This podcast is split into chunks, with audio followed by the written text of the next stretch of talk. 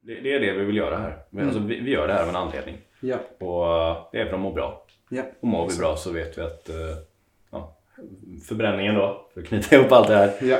kommer från att vi har hälsa. Så sträva inte efter förbränning, sträva efter hälsa. Då kommer förbränningen på köpet. Ja, för gamla lyssnare så är rösten välbekant. Det är Viktor Karlsson, en av coacherna här på PLC som är tillbaka efter en tids frånvaro från PLC-podden. Och i detta avsnittet så behandlar vi förbränning. Hur vi kan få igång vår förbränning och vad som man kan tänka på kring sin förbränning när det kommer till sin hälsa och välmående. Välkommen till ännu ett avsnitt av PLC-podden. Hej och välkommen tillbaka till PLC-podden. Podden som förändrar Sveriges syn på hälsa med mig Robin Hallsten. Och idag har jag tillbaka återigen Viktor Karlsson med i podden. Kul att vara här igen. Det var ett tag sedan. Det var ett tag sedan nu, får jag säga. Eh, och idag så har vi ju temat som vi kommer ha för den här podden är ju förbränning. Ja. Som har varit vårt fokustema för våra klienter och vår medlemsgrupp i Facebookgruppen. Precis. Eh, kan du berätta lite vad, vad som är tanken med dagens avsnitt här som vi kommer göra? Mm. Eh, vi kallar det, eller vi tänker att vi ska kalla det för en eh, masterclass. Eh, vilket kommer innebära att jag försöker sammanfatta det här området och precis som du säger så har vi ett månadstema eller vi har ett fokustema kallar vi det för. Och januaris fokustema då, passande nog med alla nyårslöften, eh, är just förbränning. Och ambitionen, tanken, målet eh, med eh, dagens avsnitt då är just att försöka sammanfatta det här området så bra vi bara kan egentligen. Eh, försöka träffa alla punkter så att eh, en person då som vill veta mer om förbränning kan i stort sett lära sig det mesta som vi har att dela med oss av just det området på egentligen bara ett avsnitt. Även om vi då har det här som fokustemat hela månaden. Och det är något som många vill jobba med mer än bara januari månad såklart. Förbränning är något som många vill få till. Eh, så eh, är det ju väldigt mycket info och eh, vi lägger extra som sagt mycket krut på det vi med medlemmarna just den här månaden. Men ibland kan det vara att man missar, att man inte hinner vara med på all den här infon som vi ändå har där ute. Och att förhoppningsvis bara genom att kolla på det här eller lyssna på det här i efterhand så att man har känt att man var lite off i januari månad och inte hunnit ta del av saker och ting så kan man recappa, lyssna här och ändå få ut de bästa, bästa guldklimparna. Just det. Och du har ju haft varje onsdag här nu i januari fokusföreläsningar i vår privata Facebookgrupp. Vad har det varit för olika fokusteman på de här uh, livesändningarna? Precis. Eh, sagt, överhängande temat är ju då som sagt förbränning. Och eftersom det är ett så stort område, eller hälsa överlag är ett extremt stort område.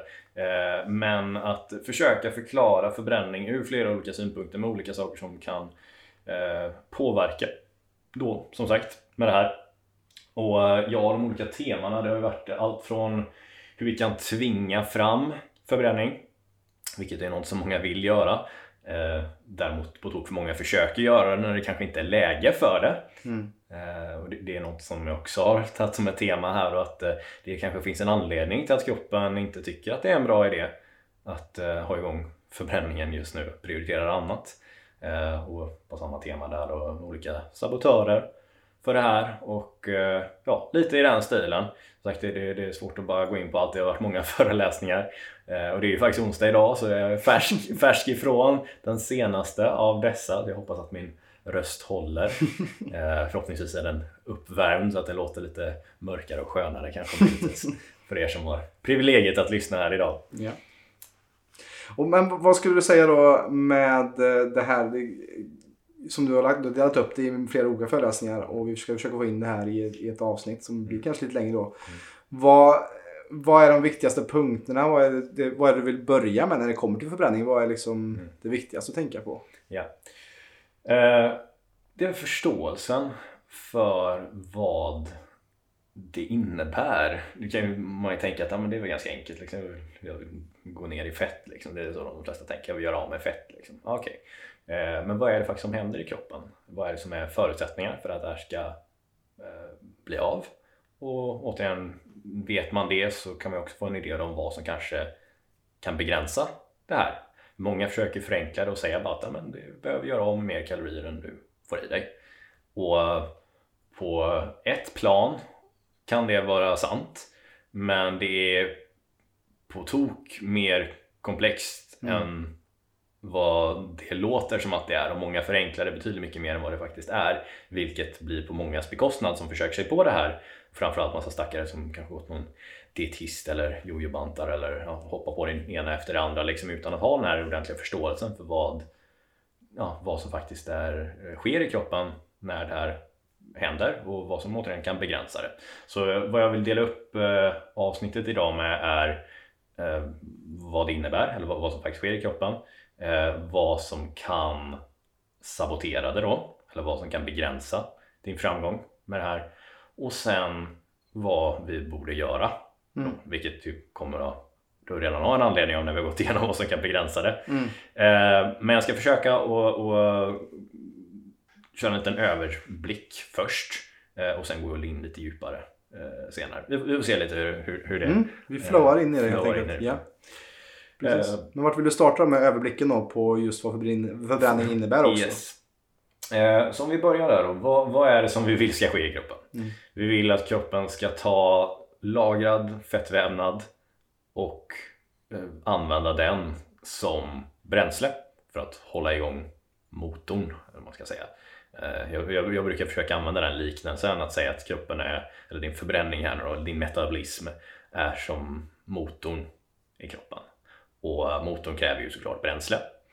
Förhoppningsvis så tar vi ju en del av det här bränslet då från det lagrade fettet. Det är det som vi vill åstadkomma här då. Eh, men kroppen kommer ju hela tiden behöva flera olika, eller den kommer ju, vi, vi stoppar i oss mat, vi behöver ju äta mat, vi behöver dricka vatten för att, för att hålla igång den här apparaten. Och eh, äter vi på ett sätt som, eh, som håller oss energifyllda över dagen eller äter vi på ett sätt som gör att eh, våra blodsockernivå till exempel går väldigt upp och ner och att eh, ja, bränslet då som kroppen väljer att använda sig av eh, går smidigt. Eller att vi får i oss för mycket eller vi kanske får i oss för lite. Eh, vilket kan påfresta kroppen och känna att den, att den inte har tillräckligt eller att den har för mycket som sagt, att blodsockret är ojämnt. Vilket får oss att vilja lagra den här överskottsenergin då. Det är det vi absolut inte vill här såklart om vi vill förbränna mer. Och ja, än så länge är nog de flesta med på det här. Det, det, det är inte så svårt. Eh, men eh, sen kommer ju allt det här då som kan sabotera. Mm. Och eh, det är ju här då som många faller och har ja, går fram och tillbaka. Man låter en jojo-bantning, dieter och konstiga kurer som ska magiskt bara bränna bränna massa fett och kilon och bort med dem liksom. Och, eh, och att gå ner i vikt är det stora målet för så otroligt många. Vad jag vill få in istället på alla som vill åstadkomma förbränning är att förbränning är inte målet utan det är något du får på köpet när du jobbar på rätt grejer. Mm. När du prioriterar istället hälsa och att må bra och gör saker som kroppen känner sig lugn och trygg och mår bra av och har energi av. Alltså ja, du, du känner att du mår bra. Liksom. En bieffekt av att vara hälsosam är att du inte har massa övervikt. Och det här ska inte vara kontroversiellt, att säga. Eh, vissa har försökt få det att bli så att eh, man inte får prata om att eh, det inte är hälsosamt att vara överviktig men så är det bara. Liksom. Det är inte hälsosamt att ha massa övervikt eller det är ett tecken rättare sagt på ohälsa. Mm. Och det finns ingen som har ja, men, 30, 40, 50 extra kilo som inte har förbättringspotential på sin hälsa. Så Mm. är det bara. Men vart man brister då som sagt är just det att man försöker, man tror att ens problem är att man har för många kilon Mm. och inte att man har flera olika anledningar som leder till ohälsa. Och om man istället prioriterar då att må bra och bli hälsosam i kroppen så vet vi ju då att kroppen kommer i sin tur då anpassa sig ut efter att hitta en mer bekväm eh, och fördelaktig vikt. Ja. Eh, och, och som sagt att förbränningen sker, att metabolismen sitter igång. Mm. Så frågan är ju som sagt vad, vad är det som begränsar Mm. metabolismen och vad är det som kan sabotera? Och hur kommer det sig då att det är så många som har kanske problem med just förbränningen och, eh, och har svårt att få det att komma igång eller kanske gå ner i vikt? Vad, vad, vad ser du är den främsta eh, saken som folk går vilse i när det kommer till just förbränningsområdet? Mm.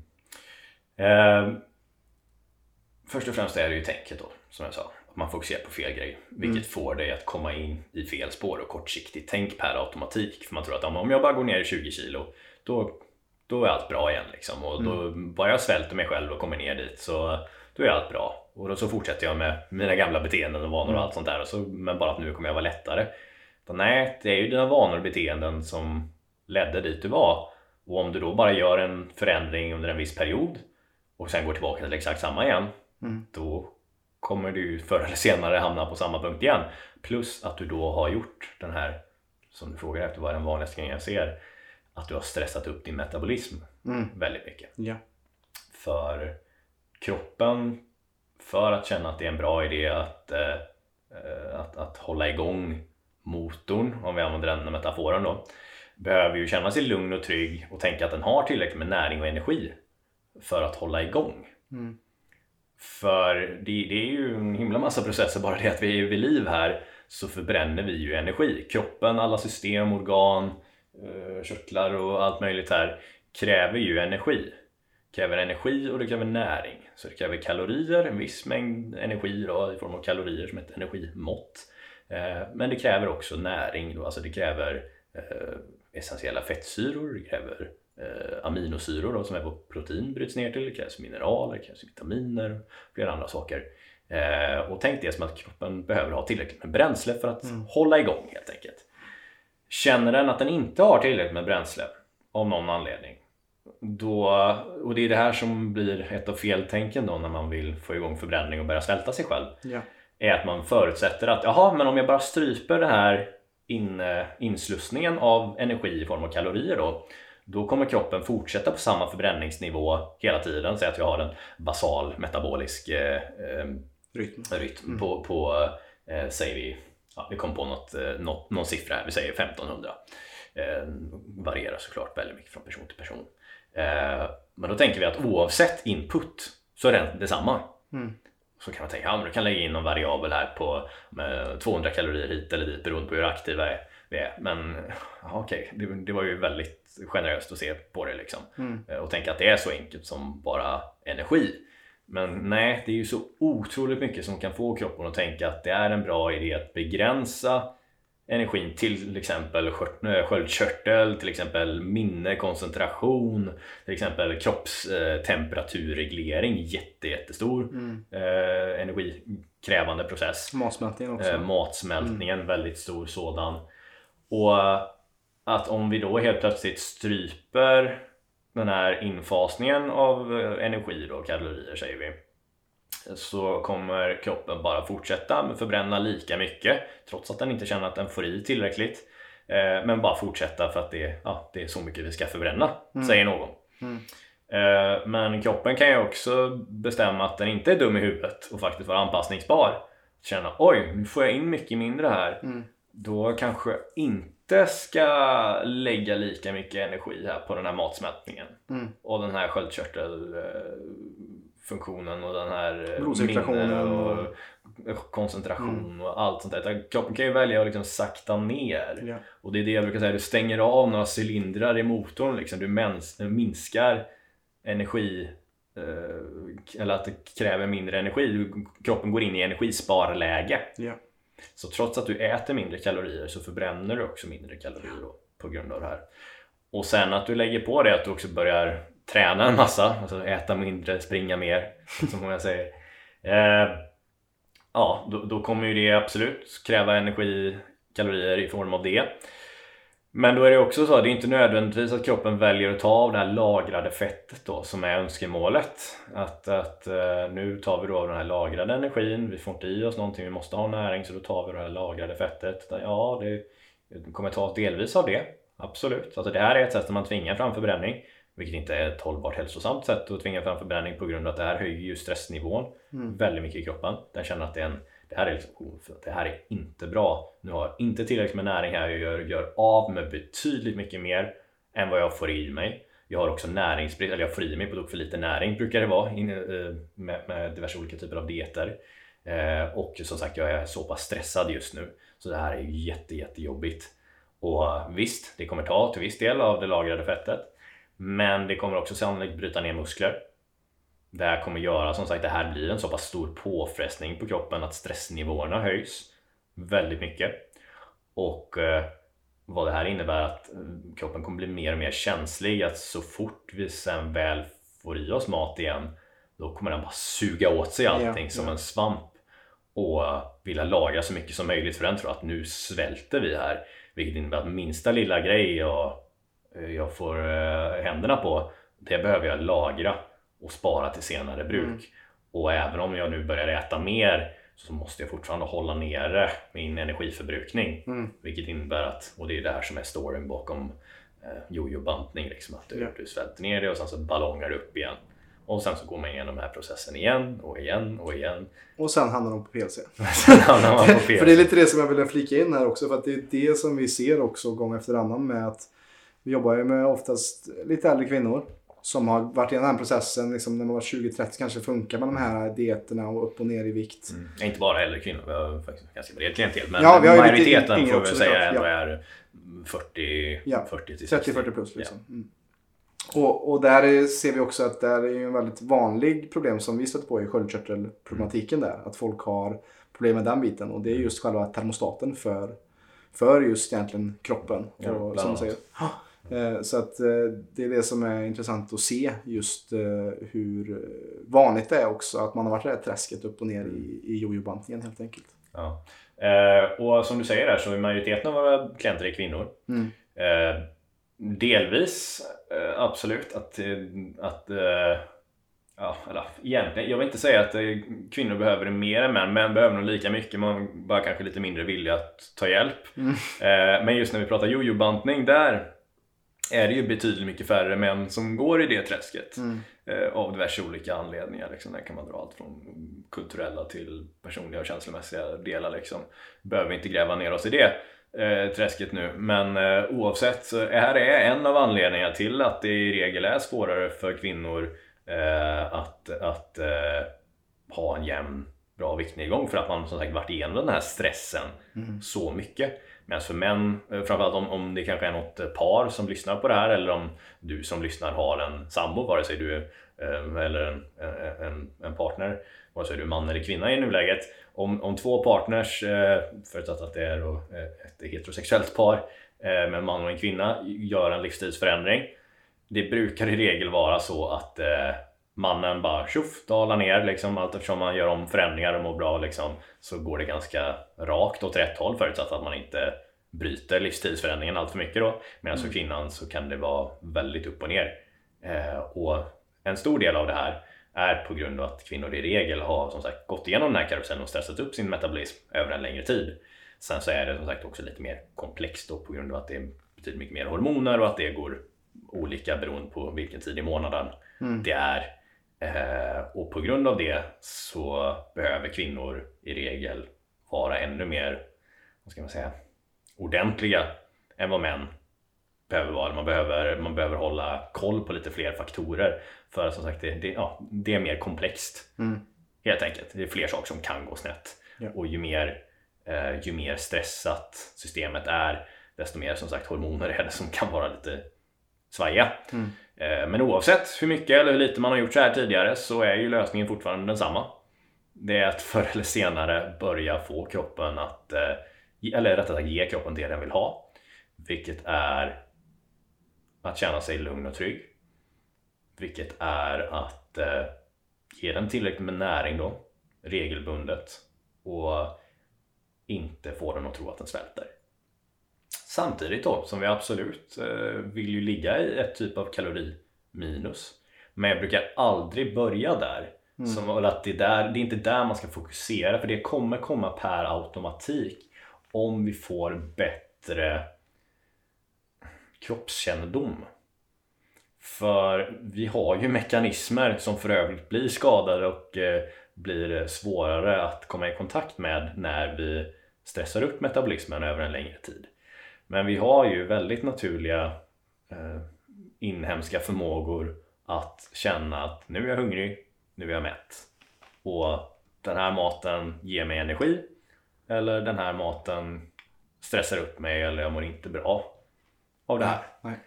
Och det är bara det att vi i regel är väldigt duktiga på att ignorera det här Eh, den här intu intuitionen.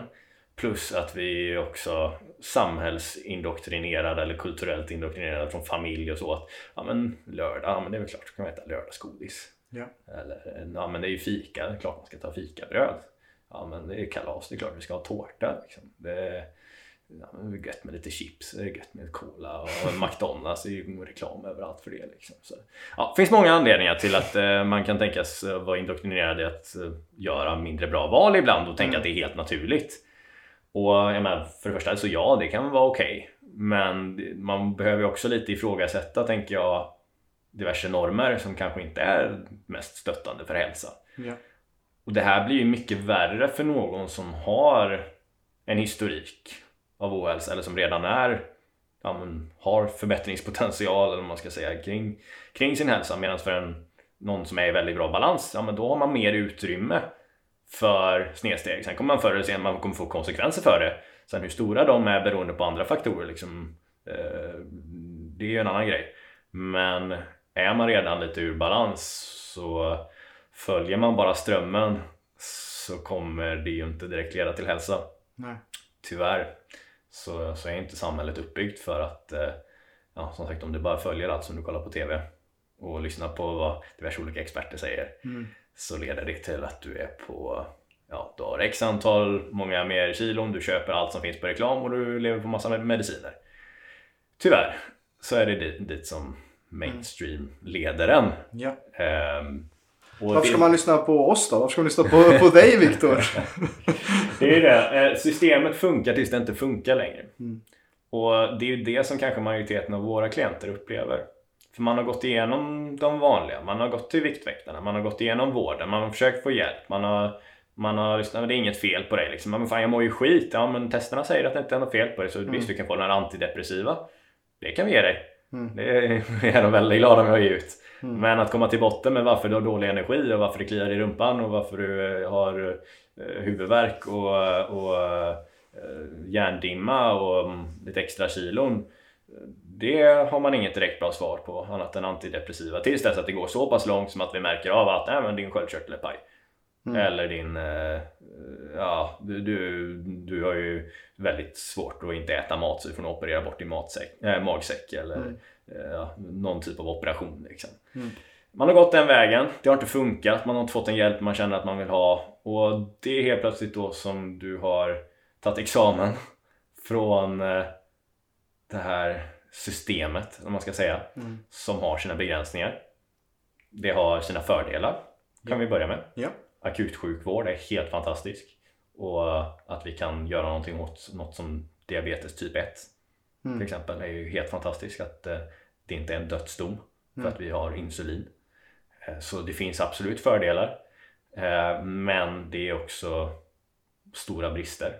Mm. Och det är därför som vården aldrig kommer kunna fixas i det systemet som är just nu. Med att försöka att lägga mer och mer resurser och pengar på ett felaktigt system. Det går bara inte för faktum är att 90% av de personerna som är där borde egentligen vara hos, nu säger jag inte att man måste vara precis hos oss, men man behöver vara hos någon som berättar vad är grundorsakerna, vad är det du kan göra åt, vad är det du som individ kan göra för att förebygga diverse olika grejer. Och sen som sagt när det går så pass långt, eller det har gått så pass långt att man behöver akut hjälp, och mediciner och så, det är där de ytterligare, men jag, jag är Ja, nu har, det finns statistik på det här eh, men eh, det, eftersom det är ett så brett område så är det svårt att få exakt. Men eh, ja, jag vill säga att det är nog mellan 5 och 10 procent som faktiskt är det av det som är nuvarande belastningen. Mm. medan resterande 90 procent plus eh, har eller bör eller hade mått bra av att gå en annan väg istället. Bästa hade ju varit om det här integrerades i vården. Det är, ju- på vissa ställen sker det ju med att eh, man pratar med en hälsocoach till exempel. Mm. Men man behöver upplysas om hur mycket du som individ kan göra åt saker och ting. Ja.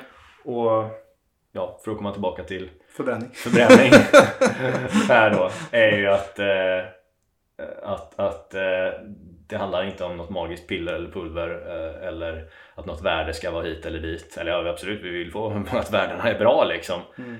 Men det är ju vissa grundläggande faktorer då som kommer eh, säga dig om du mår bra eller som, som kommer bidra rättare sagt till att du mår bra eller att du inte mår bra. Och den viktigaste grejen att lyssna på som tyvärr du inte får något bra svar av vården annat än antidepressiva är ju att eh, du känner att någonting är off Mm. i kroppen. Och känner du att någonting är off i kroppen, ja bra, där har du din där har du den här fjädern Som jag pratade om i våra poddar, ja. Mm. Precis, Mm. som kittlar dig och säger att du, här är någonting du behöver kolla på, något du Mm. behöver lyssna på. Mm. Och vi behöver identifiera kroppens tecken att kommunicera, för det är just det, kroppen kommunicerar alltid med oss. Det är bara att vi som sagt är väldigt duktiga på att ignorera det, Mm. eller att vi har blivit eh, indoktrinerade i att inte lyssna på det, att komma Mm. bort från den här intuitionen. Eh, medans när vi börjar göra rätt val, då kommer kroppen helt plötsligt signalera att oh, du, det här mår jag bra av. Mm. Och då behöver vi också kunna associera att de här bra valen och att det här välmåendet, de hör ihop. Och det är det som är vår inre kompass till hälsa. Ja. Så, vad jag vill eh, gå över till härnäst då, det är att eh, prata om de här vanliga sabotörerna. Vi har pratat mycket om den första här, om en störd metabolism på grund av hög stress i form av att man inte har ätit på ett bra sätt eller att Mm. man har ätit oregelbundet. Eh, det går in faktiskt på en av de, jag brukar prata om fyra primära stressfaktorer i kroppen som man kan summera. Stress är, eh, det finns ett väldigt bra ordspråk som man kan applicera på precis det här och det är många bäckar små. Mm. Precis så kan man tänka kring stress. Att det kommer från många olika håll och kanter, många olika bäckar. Men i slutet så rinner det ner i samma sjö. Och det är den här sjön som då metaforiskt representerar din totala stressbörda. Som jag brukar kalla det för. Och ju högre den här stressbördan är, desto mer påfrestning i kroppen. Och vi kan väldigt förenklat tänka här att ju mer påfrestning, ju mer stress i kroppen, desto mer begränsad är vår förbränning. Kroppen känner att den är otrygg, den nedprioriterar att förbränna, den tror att den är i det här svältläget som vi pratar om, kamp eller flykt, svältläge. Eh, och ju högre då som sagt den här eh, uppfattade stressen och eh, ja, stressnivån, den totala stresssjön, ju högre den är desto mindre som sagt bra idé kommer kroppen tänka att Mm. det är att också ha en hög metabolism. Ja. Så de här fyra stressbäckarna då, Mm. eh, de brukar jag dela upp i, eller man brukar dela upp det när man pratar om som sagt olika stressfaktorer, brukar man prata om vad är det som stressar upp kroppens, eh, eller påverkar kroppens HPA-axel.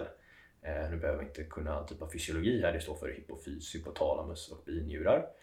Vilket vi kan tänka som kroppens hormonreglering, framförallt i relation till stress. Här nu då. Eh, och det som påverkar den här och stressar upp kroppen, det är också det som stressar upp vår totala fysiologi. Eh, vi har vårt nervsystem. Eh, vi har vårt autonoma nervsystem, den här automatiska delen av nervsystemet som gör saker utan att vi behöver tänka på det. Sköter vår- vårt hjärta och matsmältning. Det är det som kan skapa en unge utan att eh, vi behöver medvetet veta hur man gör. Eh, man pusslar ju upp en bebis liksom i magen, kan tänkas vara lite svårt annars. Du det, behöver inte lista ut det utan sagt det autonoma nervsystemet sköter det åt oss.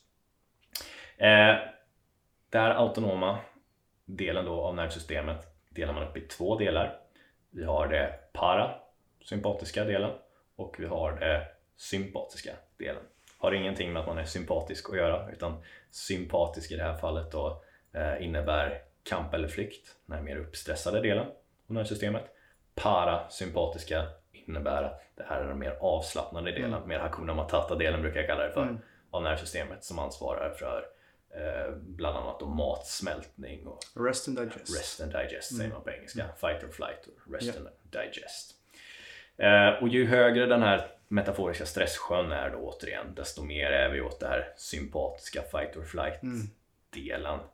Eh, ju lägre stresssjön är, alltså ju mer i den här gröna zonen av stress vi är, desto mer rest and digest. Alltså ju bättre är kroppen på att läka, återhämta sig, smälta mat och det är precis här också som fettförbränning sker. Ja. För det är inget lejon som jagar oss. Kroppen skiter fullständigt i om du ska bränna det här fettet runt magen om den tror att du behöver springa snabbt som tusan från det här Mm. lejonet. Då tänker den att hjärtat ska slå liksom och musklerna ska ha blod. Mm. Eh, matsmältning är väldigt lågt prioriterat Ja, på den listan. precis. Så, ju lägre eller ju mer koll vi har på de här fyra primära stressfaktorerna eh, som då påverkar vår HPA-axel som i sin tur kommer föra oss till mer fight or flight eller rest and digest. Eh, desto bättre förutsättningar kommer vi ha då för förbränning. Mm. Och eh, de fyra då. Jag vill ta den första som vi redan har pratat om lite, eller vi har gått in lite på dem med, med, med det som jag pratat om. Eller rätt sagt, det, det, blir en, eh, det blir en konsekvens av att äta oregelbundet. Och det är ditt blodsocker. Blodsockret ska vara i balans. Det ska vara jämnt över dagen. Om det är ojämnt så är det en av de absolut främsta stressfaktorerna för kroppen. Det är jätte, jätte påfrestande att blodsockret går upp och ner. Och det kommer det göra om du börjar dagen med knappt någon mat, säg en kopp kaffe och en brödbit och en banan säger vi. Mm. Det kommer bara spika blodsockret upp och sen så lägg på massa stress på det för att du ska iväg med ungarna och eh, du ska springa till jobbet, sitta i trafiken eller nu kanske inte man sitter i trafiken, nu är man rädd för att man kollar på nyheterna istället. Någonting har spikat ditt kortisol på morgonen här. Ja. Eh, vilket i sin tur också faktiskt höjer blodsockret, behöver jag inte gå in på det exakt men Men i alla fall, ditt blodsocker är ojämnt, det går upp och sen så stinker det ner igen och så eh, tar du någon, eh, någon, någon Energidryck. eller- energidryck eller eh, käkar ytterligare en frukt, Mm. ett mellanmål Mm. för att få upp det igen. Och, ja. Men då, det går upp och ner. Det här är jättepåfrestande för kroppen. Vi vill ju då äta på ett sätt som håller blodsockret i balans. Liksom det, det är inte bara maten, det är också då stressnivåer, det är sömn och lite andra grejer. Vi går in på lite senare här. Då. Mm. Eh, men blodsockret behöver vara jämnt. Det är första. Jätte, jätteviktigt. Eh, andra primära stressfaktorn, så jag tog fyra, blodsocker nummer ett. Mm. Nummer två är något som kallas för cirkadisk rytm. Circadian rhythm på engelska. Eh, det här kan vi tänka förenkla som eh, dygnsrytm. Varenda cell i vår kropp har en egen inre dygnsrytm. Och eh, vi är ju en organism, människan är en organism som lever eller som är utvecklad och ska leva i harmoni med sin omgivning, sitt ekosystem. Vi är beroende av den här planeten och universum överlag för att leva. Det är bara att tänka, hade inte solen varit här, ja då hade inte vi varit här. Mm. Hade det inte funnits vatten, då hade inte vi funnits här. Vi är ja, till, till en hälsosam människa är mellan 65 och 70 procent vatten. Ja. Eh, vi är beroende av utomstående faktorer för att leva, att vara en människa. Mm. Vi är en del av Naturen. naturen. Mm. Och varenda cell då, som sagt i vår kropp är inställd till att vara, ha en, en relation med omgivningen. Och eh, för att förenkla det här mer då är att eh, vi vill försöka ställa in oss att leva i så bra harmoni som möjligt som sagt med omgivningen och gör vi inte det, är vi ur fas med omgivningen så är det då en väldigt stor påfrestning Mm. på nervsystemet för den här APA-axeln. Får sig kamp eller flykt. För kroppen vet liksom inte att den, jag är ur fas, jag är inte i harmoni med min omgivning. Till Eh. exempel om man jobbar natt eller, eller något sånt. Precis, så, så sovtid. Vi, människan är ju ett, eh, vi är ju ett eh, dagdrivande Mhm. djur till skillnad från katter som är nattdjur. De jagar på natten. Människan gör inte det, eller den mår bäst i alla fall om den inte gör det. Vi är skapta för att vara i regel vakna på, under dagen. Eh, och det här har ju då som sagt konsekvenser om vi inte har det. Det här är en av anledningarna till att skiftjobb är ett av de absolut mest påfrestande faktorerna som finns på Mm. hälsan. Och det finns inget annat sätt att säga det än att om du arbetar skift i nuläget så är det en jätteviktig samhällsfunktion. Mm. Eh, Folk måste göra det. Men eh, det har konsekvenser. Ja. Vissa länder som till exempel Danmark tror jag det är. ja, vi nämnde i någon podd att det är just i boken eh, Sömngåtan av Matthew Walker så får till och med, jag tror det är sjuksköterskor inom danska vården får bidrag eller extra, extra pengar för att just de ser en ökning av ja, men cancer, sjukdomar och sånt. Så jag tror framförallt bröstcancer tror jag någonting sånt. I, Ja, bland annat många Ja. olika saker. Eh, Och och en förväntad livslängd som sänks med många år Mm. på grund av det här. Mm. Eh, Och det ska vi inte sticka under stolen med. Vi får bara säga att så är det, det har en konsekvens. Mm. Eh, Och det vill vi ju såklart försöka göra vårt bästa för att motverka då, vilket Ja. man kan göra. Jag har sagt, det handlar inte den här podden idag om. Eh, men, men, men det finns saker man kan göra för att göra det på bästa sätt. Eh, och vi vill fortfarande förvänta, eller försöka hålla oss i så bra rytm som möjligt även om det blir ur fas då såklart om, om man jobbar natt. Eh, men som sagt den här cirkadiska rytmen då och det är inte bara dygnsrytmen utan det är ju även som sagt, varenda cell i vår kropp har en inre klocka som är inställd på eller som ska vara inställd i fas med omgivningen. Så jag brukar säga måltider, sovtider och sen att vad som kan hjälpa reglera det här mer än någonting annat, det är vår relation med ljus. Mm. Intressant nog. Så det var nummer två. Ja, så blodsocker, cirkadisk rytm. Nummer Yes. tre. Nummer tre är då inflammation. Ja. Total mängd inflammation i kroppen. Så ju högre inflammation, desto större stress känner kroppen att det är. Så förhoppningsvis börjar vi få en liten förståelse här att eh, stress är bredare än vad många tänker. Många tänker bara, som jag kommer komma till nummer fyra, som är det enda som är stress. Men vad jag vill skapa förståelse här och anledningen till att jag säger den sist är för att det är många andra saker som också är stress. Eh, och inflammation då som sagt, ju mer eh, vare sig det är värk man har, inflammation kan visa sig på många olika sätt. Eh, men säg att man har ont, säg att man har eh, dålig hållning, ont i nacke och axlar, eh, någon skada, ländrygg, något i den stilen. Va? Hög inflammation, mycket värk. Det är ju direkt någonting som kroppen kommer känna, oj shit, det här var, det här var svårt, det här var inte bra. Det här är jobbigt, det här är något jag måste arbeta på.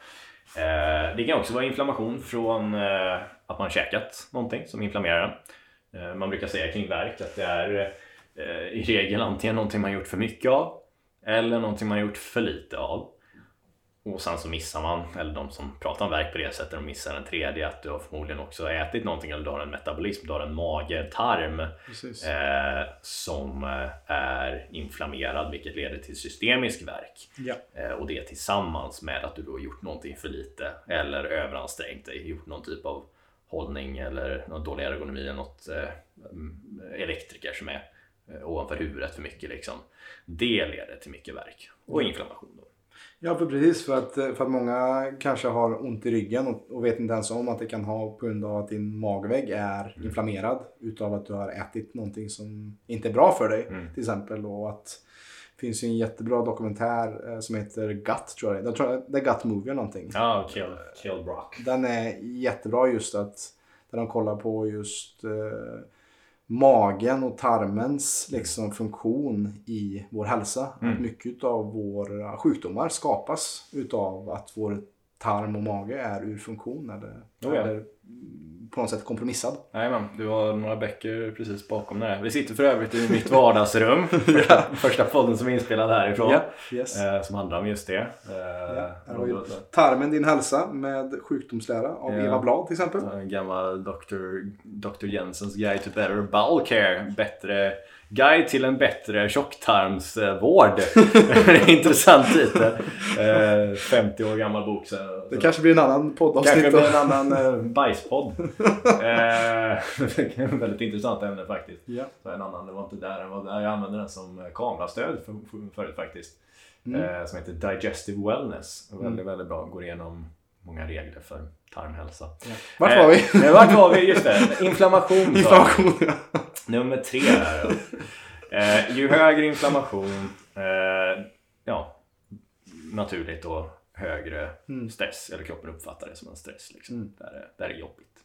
Likaså som det är extremt jobbigt att eh, blodsockret är ur balans. Likaså som det är extremt jobbigt att eh, dygnsrytmen, eller cirkadiska rytmen, är ur fas.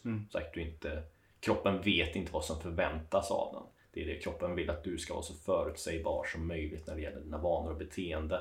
Så den vet vad den ska ställa in sig på. När ska han eller hon vara pigg? När ska jag vara trött? När ska jag vara redo för att bryta ner mat, smälta mat? När ska jag vara redo för att reparera? När ska jag vara redo för att ha mer energi i musklerna och anstränga mig? Om det här är extremt ojämnt som till exempel vid skiftarbete då eller vid oregelbundna ja, tider överlag med olika saker och ting och aktiviteter och allt sånt där va? så blir kroppen väldigt förvirrad. Den vet inte var den är eller när den är rättare sagt och vad som förväntas av den. Och det är ju då en jättestor stress. Samma som om blodsockret var väldigt ur balans. Samma som om det är väldigt mycket värk och inflammation Ja. i kroppen. Vilket kommer få kroppen till exempel att producera mer kolesterol. Och det här tror många har att göra med vad man äter. Och ja, till viss del är det ju det om du äter saker som skapar inflammation i kroppen. Det då kommer kroppen tänka att då behöver vi mer Mm. kolesterol. Men mängden kolesterol du äter är väldigt bevisat nu för tiden att det inte påverkar din totala kolesterol. Så alltså kolesterol som finns i mättat fett då, som är något som har fått väldigt dåligt rykte Mm. på grund av det här har ju nu faktiskt eh, rentvåtts. Vad ska jag säga. Det, det, Mm. Nu är det väldigt eh, accepterat att eh, maten du äter eh, eller mättat fett som du äter, alltså kolesterol som du äter inte påverkar ditt totala kolesterol utan det är ju faktiskt så att levern producerar kolesterol utefter hur mycket inflammation och hur mycket stress och påfrestning den känner att den är. För kolesterol är faktiskt väldigt antiinflammatoriskt. Och lite som kroppens brandmän. Ja, Att, det... att de är på plats när det ska dämpas av inflammation så är det också kolesterolet som hjälper till att minska den. Precis, och den liknelsen med det då, med just branden som vi båda har hört på samma eh, föreläsare om, Mm. eh, David Geroff.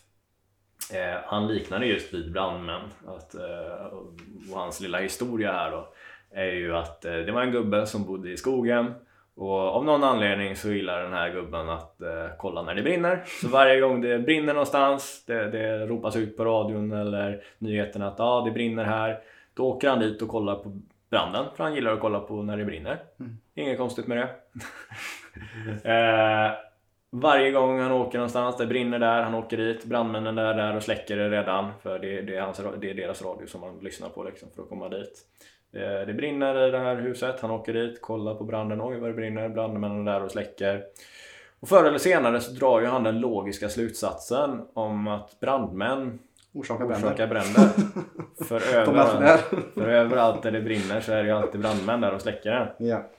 Och precis lika så är det med kolesterol då.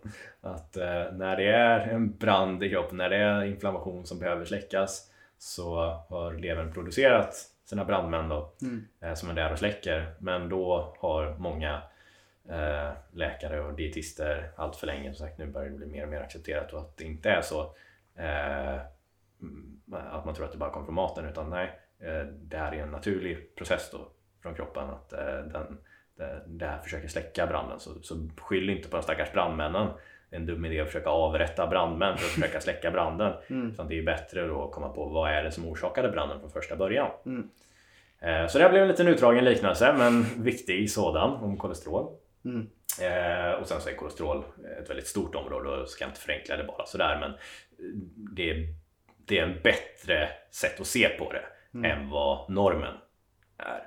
Mm. Så tänk mer att kolesterol är ett tecken på att någonting är ur balans och eh, vi vill nödvändigtvis inte eh, avrätta en brandman för att, eh, för att eh, släcka en brand såvida det inte visar sig att den här brandmannen kanske var pyroman. Mm. Eh, men eh, ja, så är det ju oftast inte. Ja.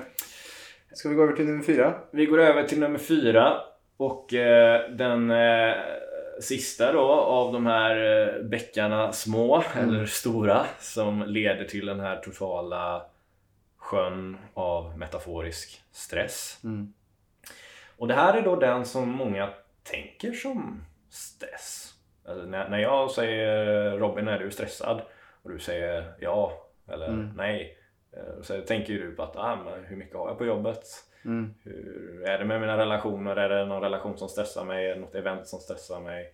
Sitter jag i trafiken just nu? Hur mår jag just nu? Känner jag mig stressad? Är jag otrygg? Oroar jag mig över ja, något gammalt som är över mig eller Mm. något sånt där? Eh, Det är det man, folk tänker som stress när man, när man frågar är du stressad eller känner du dig stressad? Ja, jag är stressad. Nej, jag är inte stressad. Det här är ju absolut stress, men det vi får komma ihåg är att det är en av fyra då, totala eller primära stressfaktorer. Och oavsett om man känner sig harmoniskt där eller inte så kanske man fortfarande är påfrestad av andra saker.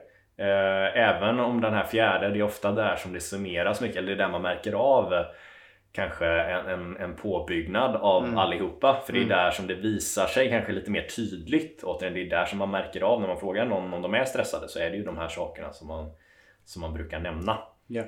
Eh, och det är nog också något som många känner igen sig i att eh, det är betydligt mycket lättare att vara en trevlig förälder eller kollega om du har ett jämnt blodsocker, om Mm. du har sovit bra och du inte går med huvudvärk den dagen. Ja.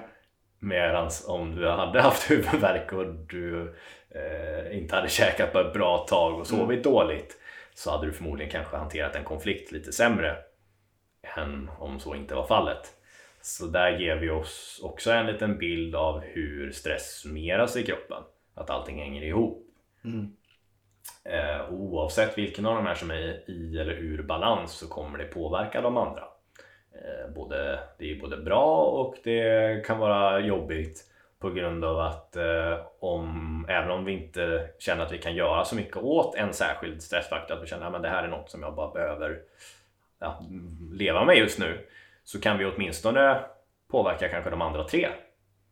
Eh, men likaså så kan det vara att en stor stressfaktor, trots att vi har koll på de andra, är så pass stor att det får den här totala sjön att fortfarande rinna över. Mm. Det kanske är Niagara-fall på en av de här liksom och då kan det bli att det blir så pass mycket att ja, allt bara stänger ner. För återigen, det är inte, det är inte hur mycket det är på en separat bäck här då, av de här många bäckarna små. Utan det är vad, hur stor blir den totala sjön och vart är din tolerans yes. i nuläget. Och den toleransen kan ändras för mm. övrigt. Mm. Men det är bara ett faktum att du har en total stressnivå och du har en total stresstolerans. Och alla är olika, vissa klarar en himla massa. Andra klarar mindre. Men det är helt skitsam hur du är jämfört med någon annan utan vad som är relevant är hur du och dina individuella förutsättningar. Vad är din totala stressnivå och din totala stresstolerans och är den i urbalans, alltså att du har högre stress än vad din tolerans är, ja, det är då det här får konsekvenser. Ja. Och lösningen då är ju att helt enkelt sänka den här totala stressbördan och komma på den gröna sidan med att du har högre stresstolerans än du har stressbörda mm. i nuläget. Precis, att ta, ta mer tid till just det som jag jobbar mycket med på PC, just med avslappningen, work-in och hitta tid till riktigt bra dygnsrytm och bra sovtider och mattider och den biten helt enkelt. Mm. Och det är som sagt, det är jättemycket som, för nu pratar vi väldigt eh, meta brett mm. om det här. Va? Eh, och man kan vara väldigt specifikt och det tänker jag ska eh, lägga nästa del av det här snacket med. Jag tänker vi tar en liten paus här nu. Mm. Eh, så jag får fukta strupen lite grann. jag har pratat många timmar idag. Mm. Eh, men precis, för att summera. Eh, den totala stressbördan behöver vara lägre än vad din stresstolerans är. Mm. Och precis som Robin säger där så är det mycket saker vi kan jobba med och som vi vill jobba med och det är också det som är lösningen framåt med att hur sänker jag den totala stressbördan? Vi pratar ju mycket om work-in, du jobbar mycket med work-in mm. eh, och, och, det ju, jobbar mycket på alla de här, alltså man kommer, när man börjar tänka de här fyra banorna mm. så märker man hur olika saker man gör påverkar de här olika fyra Precis. om man tänker på det sättet. Precis. Eh, så det är en väldigt bra ritning att gå efter. Mm. Eh, och har man det så kan det verkligen underlätta Exakt. För, för ens eh, väg framåt. Ja, men jag tänker vi tar en paus där då Viktor och så kommer vi tillbaka med just hur vi kan få till förbränningen bättre då. Nej, men hon jobbar lite mer specifikt på de här olika grejerna och hur det kan påverka. Ja. Yeah. Yes. Resterande del av den här podden och masterclassen är exklusivt för våra medlemmar. Och vill du ta del av den här i sin fulla kraft och helhet så kan du också kika in på vår hemsida www.plclub.se för att just kolla vad vi erbjuder för våra medlemmar. Du kan också boka ett kostnadsfritt samtal med någon av oss för att just få reda på vad vi kanske kan hjälpa dig med kring din förbränning och din hälsa. Så kolla in www.plclub.se för mer information och där finns även andra saker som är gratis att ta del av som vi erbjuder. Så kika in där och glöm inte att följa oss på Instagram at Premium Lifestyle Club. Så ses vi där eller i nästa avsnitt. Tack för att du har lyssnat på detta avsnittet av PLC-podden.